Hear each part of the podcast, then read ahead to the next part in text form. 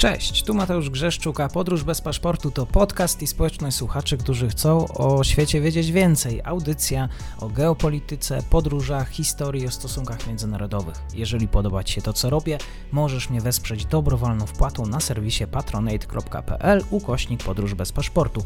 Serdecznie za to dziękuję, bo właśnie dzięki temu mam szansę rozwijać to miejsce. Obserwuj, polub i udostępniaj dalej. Zapinamy pasy, czas na kolejny odcinek podróży.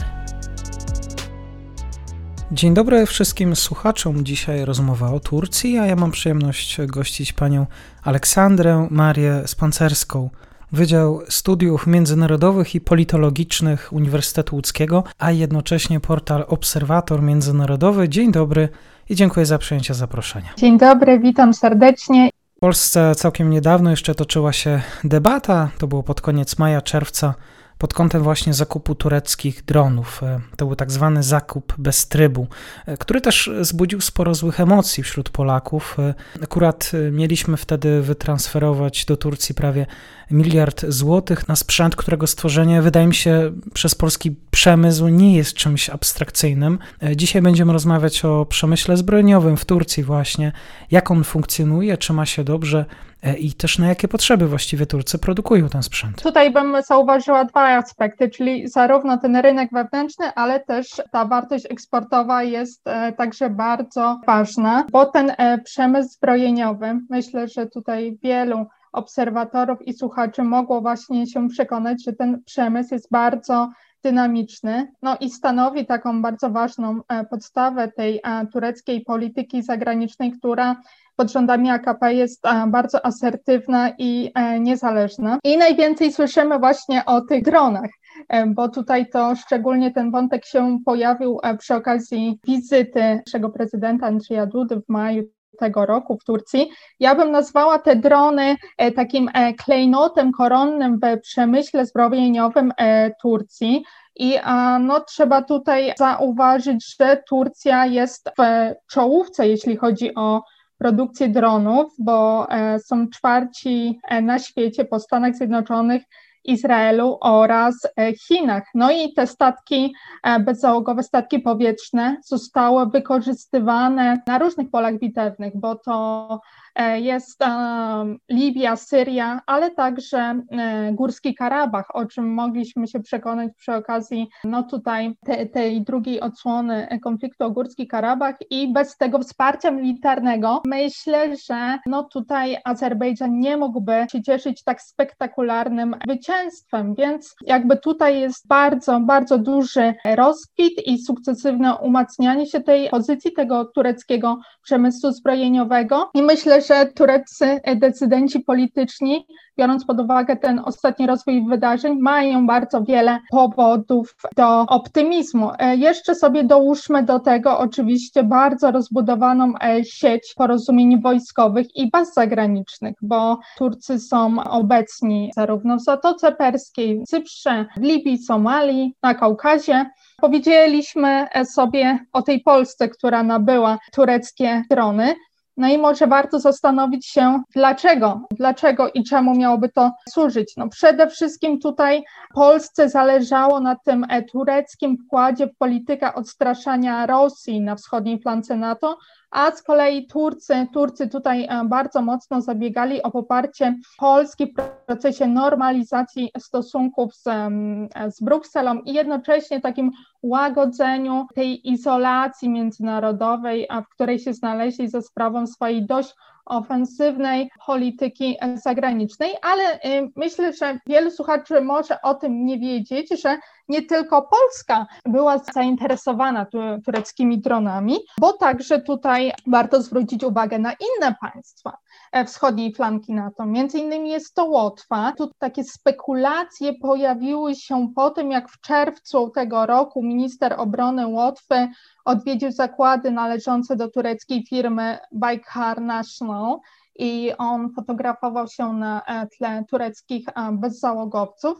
Mówi się też o tym, że takim, takim prawdopodobnym użytkownikiem tych tureckich dronów ma być Albania, tylko albańskie Ministerstwo Obrony na ten cel nie przeznaczyło takich znaczących środków, to jest około 8 miliona euro, ale z powodzeniem z tureckich dronów korzysta nasz wschodni sąsiad, czyli Kijów i taka anegdota, tureckie drony były zaprezentowane kilka dni temu podczas e, parady wojskowej urządzonej z okazji 30-lecia niepodległości Ukrainy, więc tutaj władzom bardzo zależy na wsparciu Ankary, aby właśnie powstrzymywać tą rosyjską politykę ekspansjonizmu w regionie e, Morza Czarnego.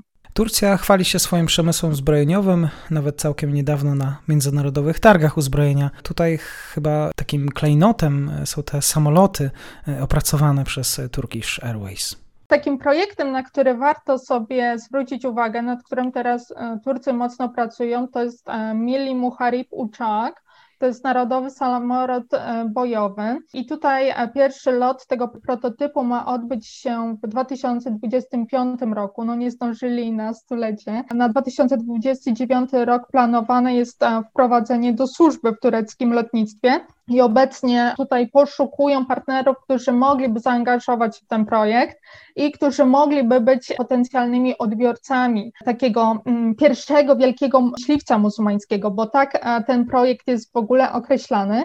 I tutaj mówi się o takich państwach jak Malezja, Indonezja, Pakistan, Bangladesz czy też Kazachstan, Zatem e, bardzo wyraźnie to, co się manifestuje w tym przemyśle, to jest e, właśnie taka kompatybilność z prowadzoną polityką zagraniczną, tak? Takim dążeniem Ankary do też budowania swojej pozycji w roli lidera świata muzułmańskiego, bo te myśliwce potencjalnymi odbiorcami właśnie miały być kraje muzułmańskie. Taka bardzo ważna logika, która rządzi umysłami tureckich decydentów po politycznych, to jest takie odwoływanie się do hasła, które pojawia się w wypowiedziach Recepa Tayyipa Erdogana, czyli Oyun Kur'an, Oyun e, Bozan, Kararly Bir Turkiye, czyli tak w uproszczeniu na język polski to Turcja ustala i zmienia zasadę, czyli tutaj to jakby oddaje tą strategiczną narrację, która jest obecna w umysłach tureckich decydentów politycznych i która ma wpływ na przemysł zbrojeniowy, czyli oni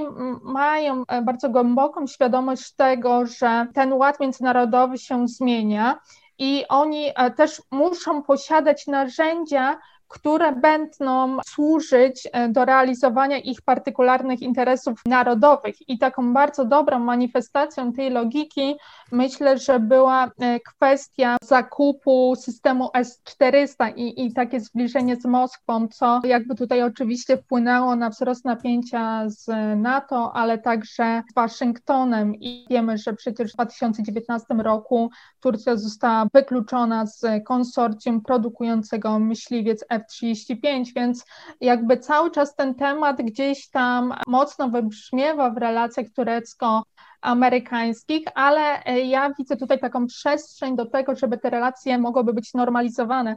No tutaj pojawia nam się kwestia Afganistanu, ale to jest e, pewnie temat na inną rozmowę, ale przede wszystkim to, co słuchacz najczęściej słyszy w tych przekazach medialnych tutaj w Polsce, które niespecjalnie może interesuje się tym przemysłem zbrojeniowym, to jest ta kwestia dronów, o których no, opowiedziałam, że są takim klejnotem koronnym w tym tureckim przemyśle zbrojeniowym. To jeszcze tak doprecyzując, ile właściwie jest wart dzisiaj turecki przemysł? Według Sztokholmskiego Międzynarodowego Instytutu Badań nad Pokojem w 2020 roku tureckie wydatki na ten sektor wyniosły 17,7 miliardów dolarów ale to jest spadek o 5% w porównaniu z 2019 rokiem i tym samym Turcja tutaj uplasowała się na 16 miejscu w zestawieniu 40 e, państw z największymi wydatkami wojskowymi. Wiem o Azerbejdżanie, mamy Ukrainę, Polskę. E, jakie właściwie inne kierunki możemy wyznaczyć w kontekście tych e, zakupów tureckiego sprzętu? Przede wszystkim jest to Katar, jest też to Kaukaz. No tutaj a, powiedzieliśmy sobie już o Azerbejdżanie. No, z tym państwem Turcję łączą silne powiązania kulturowe, etniczne, gospodarcze, no i wojskowe.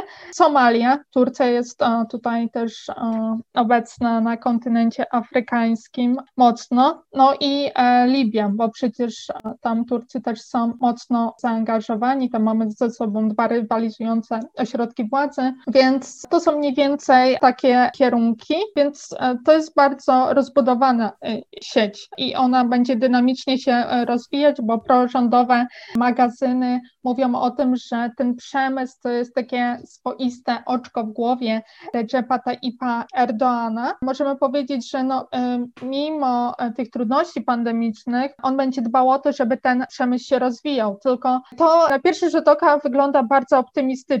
Jakby dla Turków to jest bardzo duży powód do dumy. Nawet rozmawiając z przeciętnym Turkiem, on potrafi mi wysłać, ach, słuchaj, widziałaś, tureckie e, drony są obecne tutaj, tutaj i tutaj i e, to jest naprawdę dla nich taka rzecz, którą się szczycą, ale warto zwrócić uwagę na wyzwania, które są istotne, jeśli chodzi o, o, o ten sektor. No właśnie, tutaj coś, o czym Turcy niechętnie mówią, znaczna część tego przemysłu jest uzależniona od zachodniej technologii wojskowej. Kolejna kwestia to jest deprecjacja tureckiej waluty. No i taka kwestia, która na dłuższą metę myślę będzie wpływać na ten sektor, to jest kwestia drenażu mózgów i migracji młodych, wykwalifikowanych inżynierów, którzy mogliby zasilić ten przemysł obronny i, i jakby ich potencjał intelektualny mógłby rozwijać ten wyrafinowany know-how, a oni bardzo często decydują się jednak na wyjazd do krajów Europy Zachodniej, do Stanów Zjednoczonych, no bo tam mają lepsze zarobki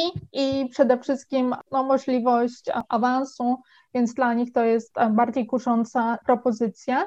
E, niemniej jednak e, stworzenie takiego rodzimego przemysłu obronnego, który e, jest jeszcze eksportowany, bo w Turcji ten zakup przez Polskę dronów był bardzo szeroko komentowany i myślę, że to był taki sukces propagandowy dla tureckiej zbrojeniówki. To jest bardzo ważna karta w ogóle, którą Erdoğan się posługuje w swojej polityce wewnętrznej i za pomocą której on po pierwsze mobilizuje ten elektorat konserwatywno-nacjonalistyczny, po drugie w skuteczny sposób stara się właśnie e, odwracać uwagę od tych problemów, z jakimi Turcja się boryka, no przede wszystkim mam tu na myśli problemy gospodarcze, no i e, trudności pandemiczne.